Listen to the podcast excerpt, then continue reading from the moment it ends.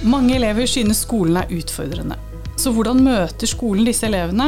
Og hva kan skolen gjøre for å forebygge psykososiale vansker? Det skal vi snakke om i dag i podkasten Læring. Gjester i studio i dag er Edvard Befring, som er den første norske professoren i spesialpedagogikk, og nå professor emeritus ved Institutt for spesialpedagogikk ved Universitetet i Oslo. Velkommen. Takk for det. Og den andre gjesten er Marianne Svarstad, faglærer og sosiallærer. Velkommen. Takk skal du ha. Og Vi starter med deg, Marianne. Du har de siste fem årene vært faglærer på et nettbasert tilbud i Telemark, undervist i engelsk, eh, og du er også sosiallærer med ansvar for en hel elevgruppe. Og dette er da elever som ikke kommer seg gjennom ordinært skoleløp. Kan du fortelle litt om hvilke utfordringer de elevene står i? Det kan jeg gjøre. Eh, dette er jo et tilbud for elever som da av ulike både fysiske og psykiske grunner ikke kommer seg gjennom ordinær videregående. Så det vi ser er mest utbredt, er angstbaserte utfordringer. Eh, sosial angst veldig mye. Vi ser også veldig mye depresjon. Vi ser elever som eh, sliter med altså, relativt banale ting, kan du si. Som liksom å ha på kamera en videosamtale. Som syns det er kjempeutfordrende å møte opp på en fysisk skole. Um, elever som sliter med lang mobbehistorikk, uh, som av den grunn bare ikke mestrer å komme seg til en skole. Mm. Um, I tillegg så har vi jo da en del fysiske vansker. Vi har hatt en økende gruppe med elever med ME, bl.a. Vi har også hatt de siste årene en vekst i elever med autismespekterforstyrrelser. Og da dette som den skolen du representerer, det er da et tilbud for bare elever i Telemark, eller er det for hele Norge? Det, er, altså, det her starta egentlig som et uh, tilbud i Notodden i Telemark. som etter hvert ble et uh, fylkeskommunalt tilbud. Um, nå i dag så er det fortsatt det, men det er åpent for at elever fra hele landet kan søke seg inn gjennom særskilte tiltak. Mm. Og hva er jobben din sånn konkret? Hvordan ser hverdagen ut på en måte med disse elevene? Ja, um, altså Jobben min nå er eh, oppfølging av hele elevgruppa. Ja, og Hvor mange er de? Uh, nå er vi oppe i 150 elever. Ja. Uh, vi bikka akkurat uh, 153, tror jeg det var. Um, så min oppgave er å ringe rundt, prøve å komme i kontakt med og sjekke hvordan det går med disse elevene. Um, det er jo en elevgruppe som da har veldig mye tilleggsutfordringer i tillegg til faglige utfordringer for de som har det, som da henger etter i veldig mange fag veldig fort. Så veldig mye av jobben min er å ringe rundt og spørre hvordan går det med deg i matte nå? Hvordan har du det? Hva skjer utafor skolen? Hva er det som gjør det vanskelig for deg å ikke komme til timen? Og sånne ting som det. Mm. Og Edvard, du har jo en lang forskerkarriere, eh, og du har et spesialfelt som er forebygging. Og hva tenker du når du hører Marianne fortelle om disse elevene? Nei, For det første er det jo veldig positivt at det er et innsatsområde som du gjennomfører mm. med den grundigheten som du nå forteller om. Eh, for det andre så vil jeg si det at dette med det indre mennesket, med følelsesliv og holdninger, det er jo et generelt uh, lite vektlagt område. Det er nesten uh, det vi kan kalle underkommunisert. Og Derfor er det viktig å få fram i lyset at det er noe som heter angst, skoleangst, mm. usikkerhet, frykt. Og at det kanskje er mer utbredt enn det mm, vi er klar over. Forebygging, Edvard. Kan du fortelle litt om Du har jobbet mye med det. Altså, forebyggingsbegrep i skolen. Hva innebærer det? Ja, Forebygging det er et uh, område som uh, handler i utgangspunktet om å forhindre at vansker oppstår, at sykdom oppstår, at frykt oppstår. Ja, negative ting. Jeg er jo mest kjent uh, gjennom medisin og gjennom trafikken f.eks. Der det blir gjort, blir gjort store innsatser for å hindre skader og dødsfall osv. Mens i skolen så har dette vært et nærmest neddyssa område. Og forebygging er ikke nevnt med ett ord i eh, lov om opplæring. Og at skoleloven ikke har nevnt eksplisitt forebygging, det er jo nær, nærmest fantastisk. Mm. Og det viser jo betydningen av at du inviterer til en samtale om dette temaet. Mm. Og For å ta opp den tråden med, med lovtekster, kan du fortelle litt? Altså, hvor mange lovtekster og forskjellige er det som regulerer undervisningen, elevenes trivsel? Ja, det er lite vekt eh, på akkurat det aspektet, men når det gjelder trivsel, så er det jo nevnt. da. Og så er det et, et annet, en annen lovtekst som kanskje er den aller viktigste i prinsippet, og det er paragraf 1 punkt 3 om tilpassa opplæring. I hvilken lov da? I opplæringsloven. opplæringsloven og ja. at, eh, at, det innebærer at skolen er forplikta til å legge til rette opplæringa slik at eh, det, er lagt til rette for den enkelte ut fra de evner og interesser og anlegg mm. en har. Og vi vet at det er veldig stor variasjon når det gjelder disse spørsmåla. Men eh, denne paragrafen er ikke omsatt i praksis. Mm. Den er tvert imot utkonkurrert.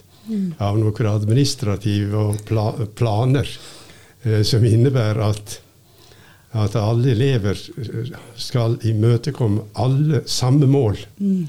Og skal prøves ut fra en samme standard. At eksamen skal være den samme for alle. Mm. Og dermed er det forutbestemt at en stor del av barna våre skal uh, bli tapere. Mm. Fordi det er noen som alltid får de komme nest eh, lengst ned på skalaen. Men, men, så det du sier nå, er at eh, den lovparagrafen ikke blir oppfylt i praksis? Ja. Mm. Hva tenker du om det, Marianne? Altså, jeg er helt enig. Okay. Uh, det her er en veldig kjepphest for meg. Ja. Uh, for det er jo primært det vi driver med på nettskolen. Vi driver jo ikke med spesialundervisning som sådan. For spe spesialundervisning er jo på en måte juridisk festa i et sånn ekstratilbud. Det vi driver med, er jo faktisk tilpassa opplæring. Men det at du må fjerne elever fra ordinær skole inn i et altså Jeg vil jo kalle det også et alternativt tilbud for å faktisk få tilpassa opplæring. Det syns jeg er nedslående. Um, og det som Edvard sier også om at tilpassa opplæring ikke blir praktisert, det er jo helt riktig.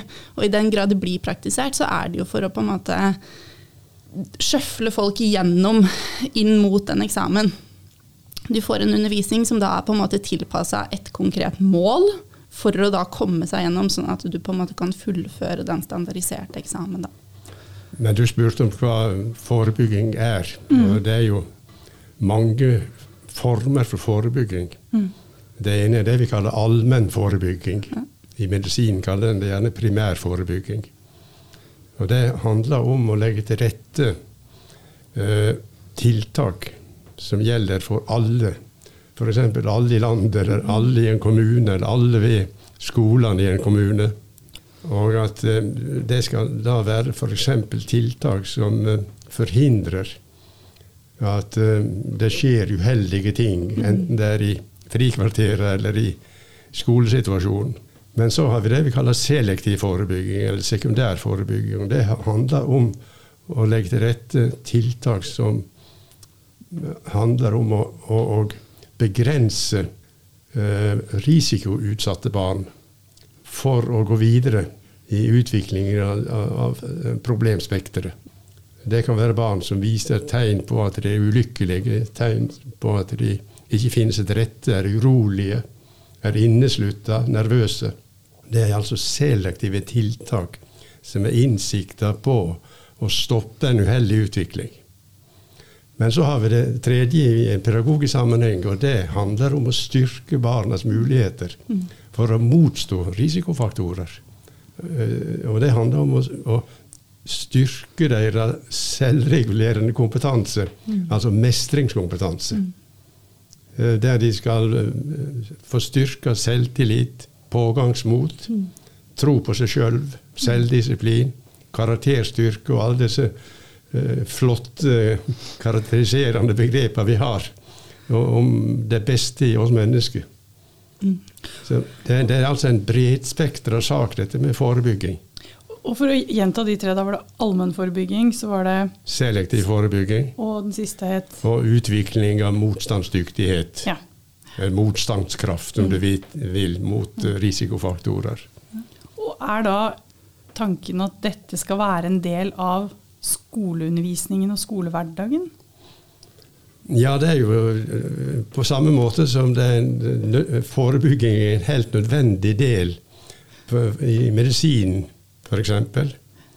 En helt nødvendig del på de fleste samfunnsområder. Eh, så er det jo selvfølgelig et ønske at det i skolen også skal være lagt til rette for forebyggende innsatser.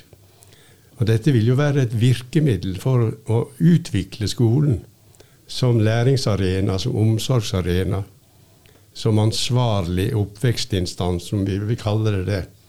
Og eh, forebygging er konstruktiv i den betydning, i den betydning, som jeg sa, at det både bidrar til at du setter søkelys på det som er skadelig, mm. uheldig, men samtidig så bidrar du til å gjøre, gjøre noe med det. Mm. Du bidrar til å forhindre at disse skadene oppstår. At disse uheldige omstendigheter kan, kan, få lov å eksistere. Men tenker dere eh, at ikke det er rom nok for forebygging i skolen sånn som den er i dag? Ja, jeg vil svare på det at det er ikke lagt til rette for det. Men derimot så har jeg vært så heldig at jeg har fått anledning til å eh, gjennomføre noen analyser av det jeg kaller gode skoler. Jeg var jo med på som observatør på et stort prosjekt i London i begynnelsen av 1980-åra. Og jeg har gjort noe lignende her i Norge da, ved å observere skoler som, eh, som uh, alle regner med er gode skoler. Mm. Og så var jeg så heldig at jeg ble bedt om å være leder av juryen for dronning Sonja skolepris. Uh, som da innebar at vi skulle forsøke som jury å finne fram til de beste skolene ja, for det var det jeg skulle spørre om. Når du sa alle mente at det var en, eller oppfattet det som en god skole, på hvilket grunnlag da? Hva? Ja, det kan du spørre om. Og det, et, det, var jo også utgangspunktet for våre vurderinger når vi skulle eh, ta standpunkt i, i, juryen for dronning Sonja skolepris. At vi fikk forslag fra kommunene. Og det kunne være foreldreforeninger, eller det kunne være eller det kunne være ledelsen skolen, for, skolen i kommunene. Dette gikk selvfølgelig gjennom det som ble kalt skoledirektør den gangen. Men um, så fikk vi da disse forslagene inn, og så måtte vi forsøke å finne ut av hvem er best. Og da hadde vi jo noen kriterier å forholde oss til. Hva var de, da? Ja, Det viktigste kriteriet var jo at uh, dette var skoler som bidro til en Eh, likeverdig opplæring. At det ikke ble gjort systematiske forskjeller ved at noen ble skjøvet til side. F.eks. viste jo det seg tydelig ved at barn med utviklingshemming og andre funksjonshemminger skulle ha, ha en trygg plass. Det andre kriteriet var jo at det skulle være inkluderende forhold. At alle skulle føle at de var likeverdige deltakere i skolen. Og det tredje var jo dette med godt foreldresamarbeid.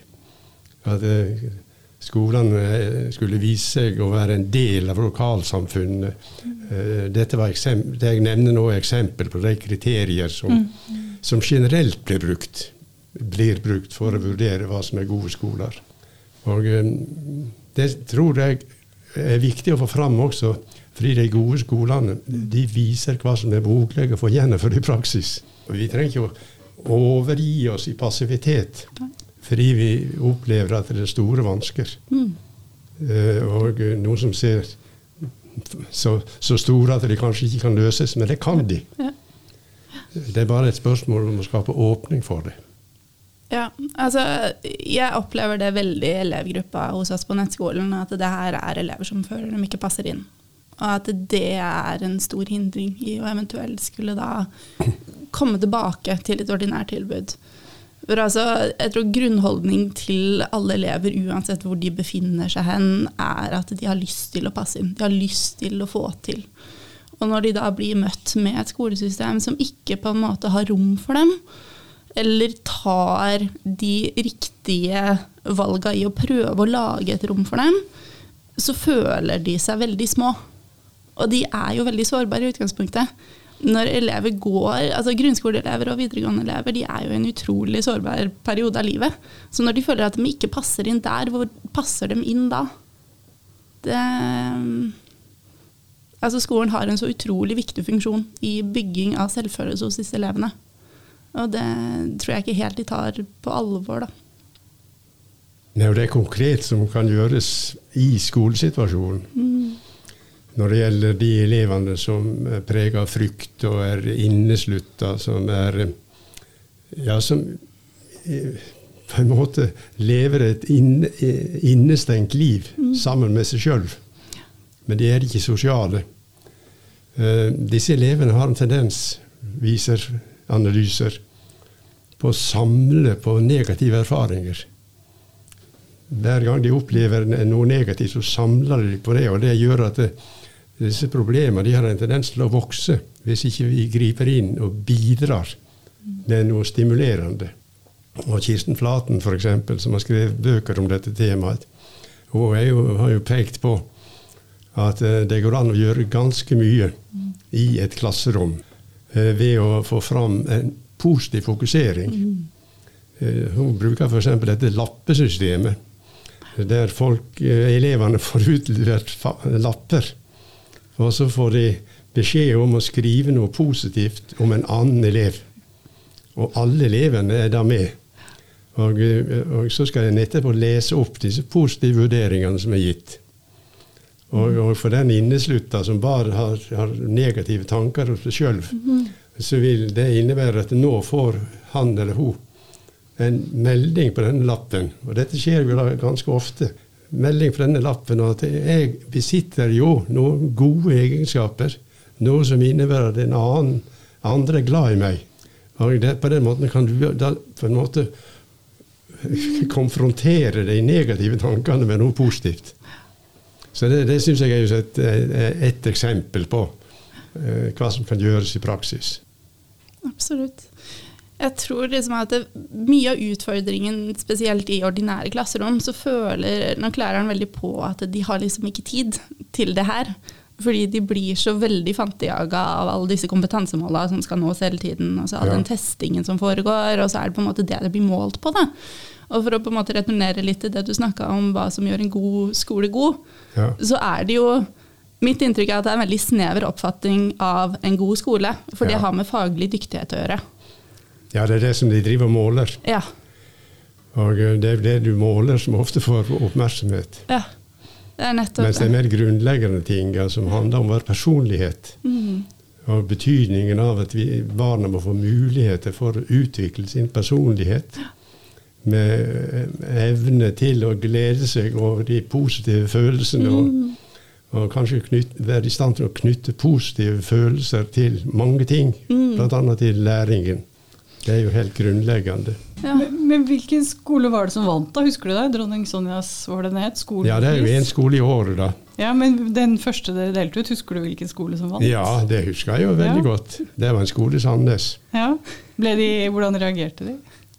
Ja, Det var jo en stor uh, tilstelning, og det er det jo alltid når denne prisen blir utdelt. Det er jo en kollega på Pedagogisk institutt som har overtatt stafettpinnen etter meg, forresten. Så den deles ut fortsatt? Ja, ja, ja. Blir, men nå, nå, blir den delt ut bare hvert, hvert annet år. Men da jeg var leder av, av juryen, så var det hvert eneste år. Så, så det, var litt, det, var litt, av en jobb, egentlig, men det var veldig lærerikt. Ja. Fordi det, det, du lærer gjennom å studere de gode skolene, mm. det er at det er veldig mye som er mulig, som mange ikke satser på i det hele tatt. Og når jeg snakker om veldig mye som er mulig, så har professor Sven Nilsen snakka om det handlingsrommet som skoler har, som de ikke bruker.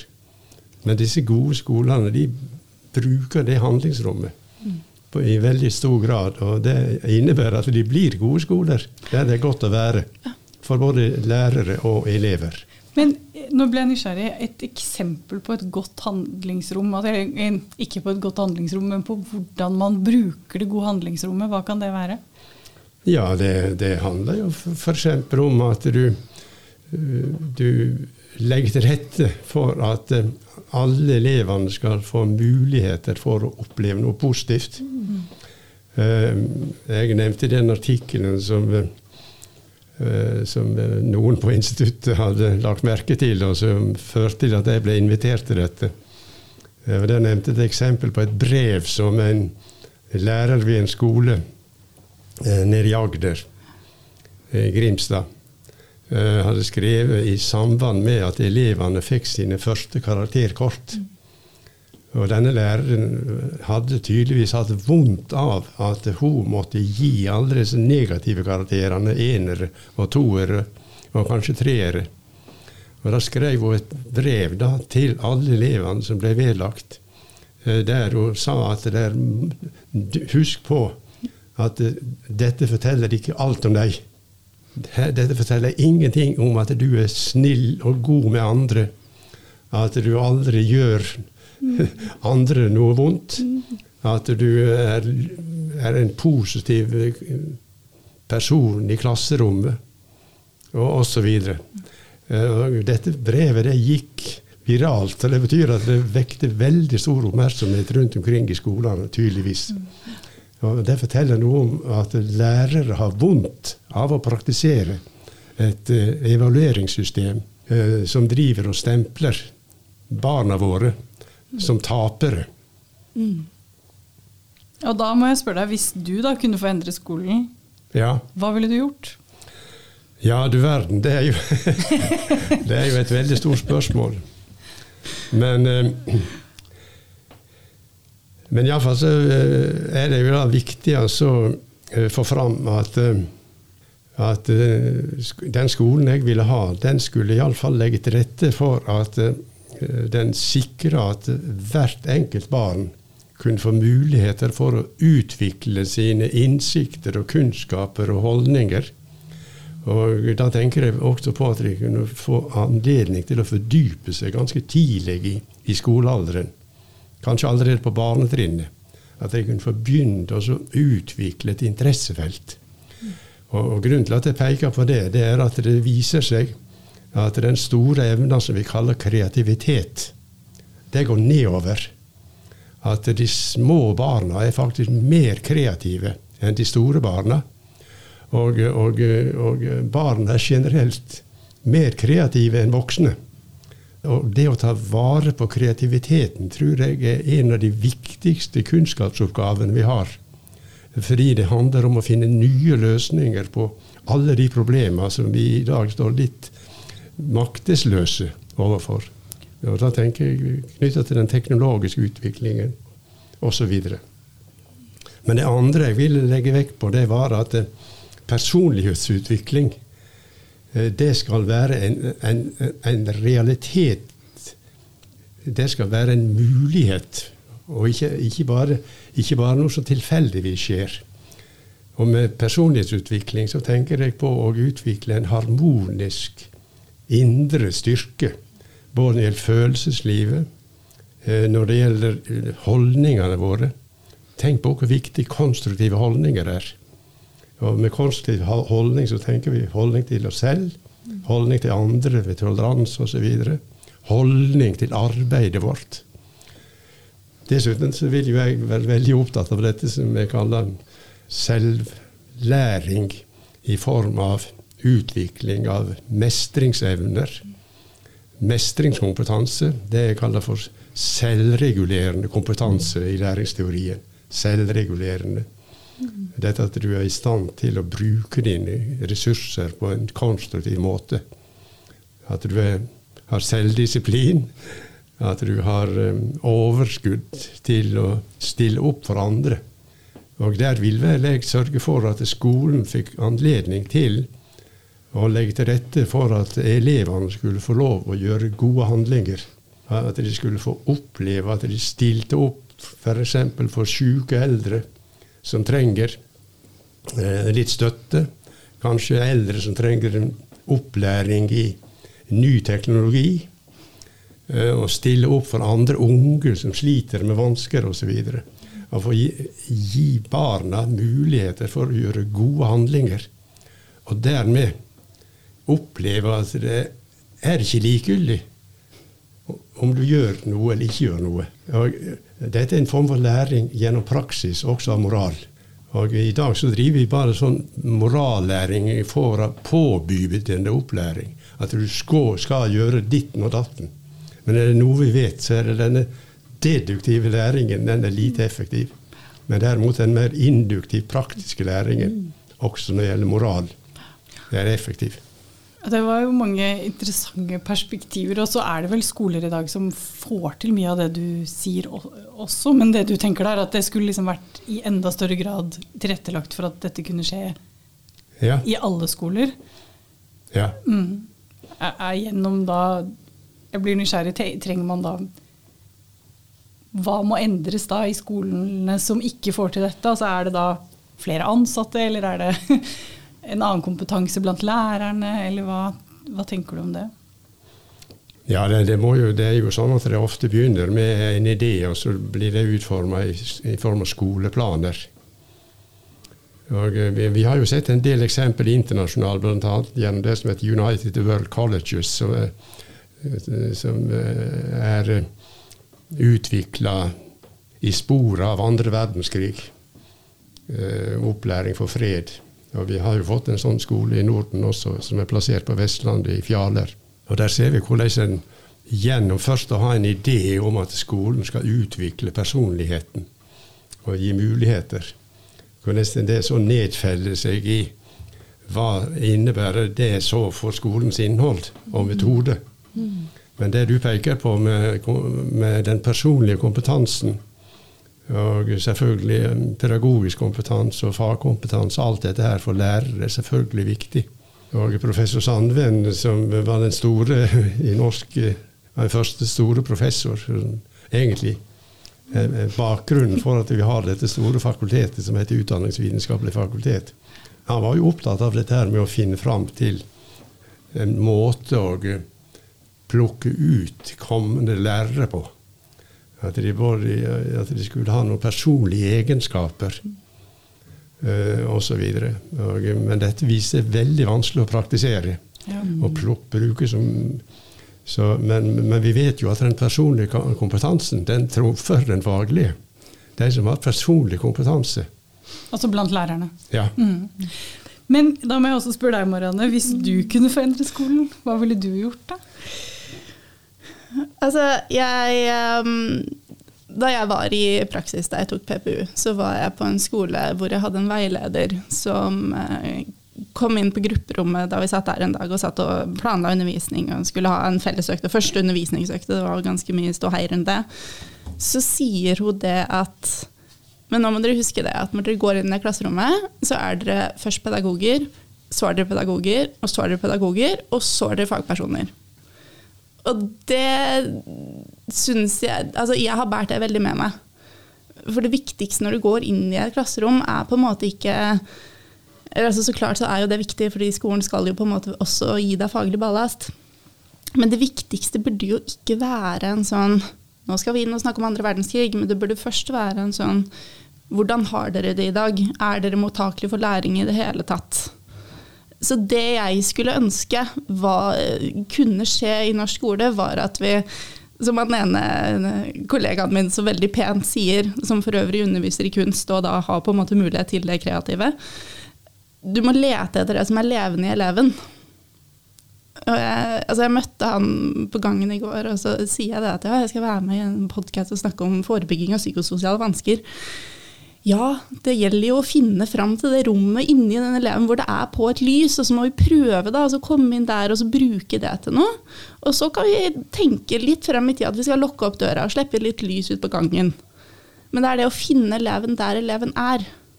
Jeg skulle ønske vi kunne fokusere mer på. Dere, nå nærmer vi oss slutten for denne samtalen. eh, Og da tenkte jeg å høre, er det noe dere har lyst til å si til slutt som vi ikke har kommet innom frem til nå? Edvard, har du noe du vil fortelle eller si avslutningsvis? Ja, For det første så mener jeg at et viktig forebyggende grep er å gi elevene større innflytelse. Og vi ser de gode skolene gir elevene et ansvar for å forbedre skolemiljøet.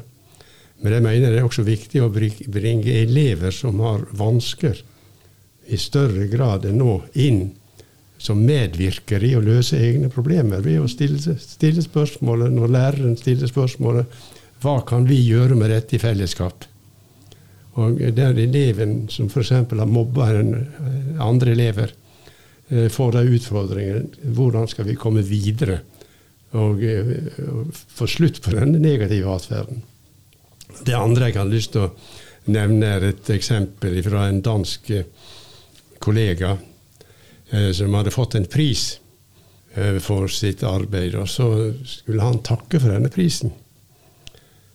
Og så takka han på den måten at uh, han sa høytidelig Jeg går på det sterkeste stoffet som fins. Anerkjennelse. Opplevelsen av å være anerkjent. Og så har jeg hatt gjennomført studier der jeg opplever, der jeg har møtt barn som har sagt til meg skolebarn som har sagt at 'jeg har aldri noen gang opplevd at noen i skolen har sagt noe positivt til meg'. Og det sa han, det er kanskje den aller største utfordringen vi har, eh, vi som har ansvaret for skolebarn. Du da, Marianne? Jeg tenker det at vi burde revurdere litt hva vi tenker skole er for noe. Uh, og ta høyde for det at når vi jobber i skolen, enten vi er uh, pedagoger eller sosiallærere, miljøterapeuter eller skoleledere, så har vi en kjempeviktig rolle i identitetsskapingen til disse elevene. Og jeg tror at det er noe som vi må minne oss selv på veldig, veldig ofte når vi er i møte med de elevene hver dag. Mm. Hvordan tenker du da mer konkret? Jeg tenker det at det skal være rom for eleven å ha en dårlig dag. Og det skal være rom for at eleven går gjennom en periode hvor det er kjempevanskelig hjemme, og at de kanskje ikke klarer å møte opp tidsnok til skolen, og at det ikke skal medføre masse kjeft og bråk, og at det da til slutt ender med at den eleven for det første ikke har lyst til å komme på skolen, men også at uh, eleven ikke trives i skolesetting i det hele tatt. Og da mister troen på at man får til skole. Takk for at dere kom. Eh, så får vi håpe at dette kan være til inspirasjon for noen som jobber i skolen. Mm. Takk for å bli invitert. Ja. Takk for at jeg fikk komme. Ja. Du har hørt en episode av Det utdanningsvitenskapelige fakultets podkast Læring som ble researchet av Marika Vartun, Monica Bjermeland og Elise Koppang Frøyd, og produsert av Shane Colvin. Du finner oss der du lytter til podkast. Mitt navn er Elise Koppang Frøyd. Takk for at du hørte på. Vi høres.